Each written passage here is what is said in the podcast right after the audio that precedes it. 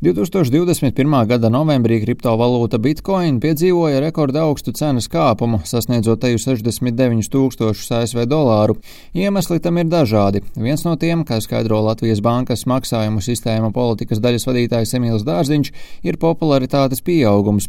Proti, Amerikas Savienotajās valstīs veiktajos pētījumos redzams, ka 60% amerikāņu kriptovalūtām pievērsušies tieši pēdējā gada laikā.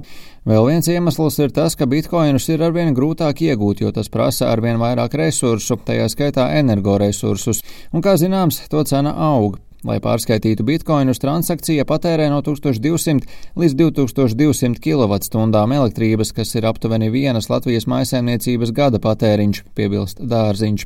Bitkoina lielākie ieguves centri atrodas valstīs, kur ir vislētākā elektrība, piemēram, Kazahstāna un Uzbekistāna.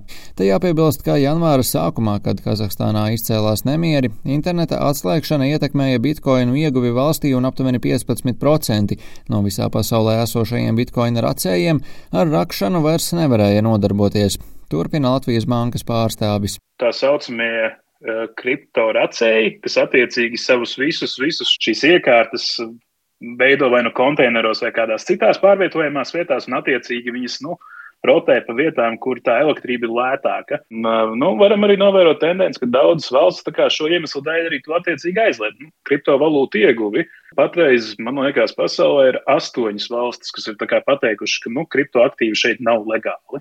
Lielu lomu cenā spēlē arī tas, ko publiski pauž lieli uzņēmumi. Tesla ir ļoti spilgts piemērs, kas savā veidā neteiksim, ka spekulē ar šo tirgu, bet nu, kas šo tirgu ļoti ietekmē. Aiz pieprasījuma un piedāvājuma es teiktu, ka tie ir dažādi valstu politiskie aspekti. Kā piemēram, nu, nesen redzējām, ka Ķīna aizliedz kriptoaktīvus kā tādus, un arī kriminalizēja kriptoaktīvu transakcijas. Tajā brīdī mēs varējām novērot diezgan lielu kritumu šajā cenu līknē vai vērtību līknē. Spilgts piemērs ir arī Indija, skaidro dārziņš, norādot, ka šī valsts sākotnēji plānojusi aizliegt kriptoaktīvus, tomēr tagad no šīs pozīcijas ir atkāpusies un piemēros 30% nodokli, kas izraisīs cenas atgūšanos.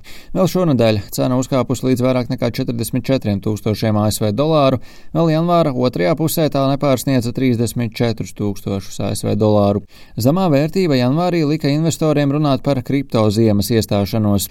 Tomēr šādas svārstības nebūtu nav pārsteidzošas, un tās atkārtojas un atkārtosies. Latvijas bankas maksājumu sistēma politikas daļas vadītājs atzīst, ka kriptovalūtas ir ļoti volatīlas un ar ļoti augstu risku. Cenas var mainīties lielās amplitūdās, īsos laika termiņos, gan uz augšu, gan uz leju. Savā ziņā mēs varam arī izmantot vārdu spekulatīvas. Teiksim, godīgi, kā maksājuma līdzeklis viņš īsti ir izgāzies, nu, jo attiecīgi vairāk iemeslu dēļ, tā, ka pieņemsim transakcijas patērēja ļoti lielu energoresursu, Jā, viņš ir ļoti volatīls, ļoti augsta riska. Teiksim tā, šajā brīdī viņš vairs nav nauda, bet šobrīd viņš vairāk pilda tādu tā kā investīciju aktīvu funkciju, kur cilvēki vairāk investē savu naudu, lai savā veidā gūtu vieglu peļņu.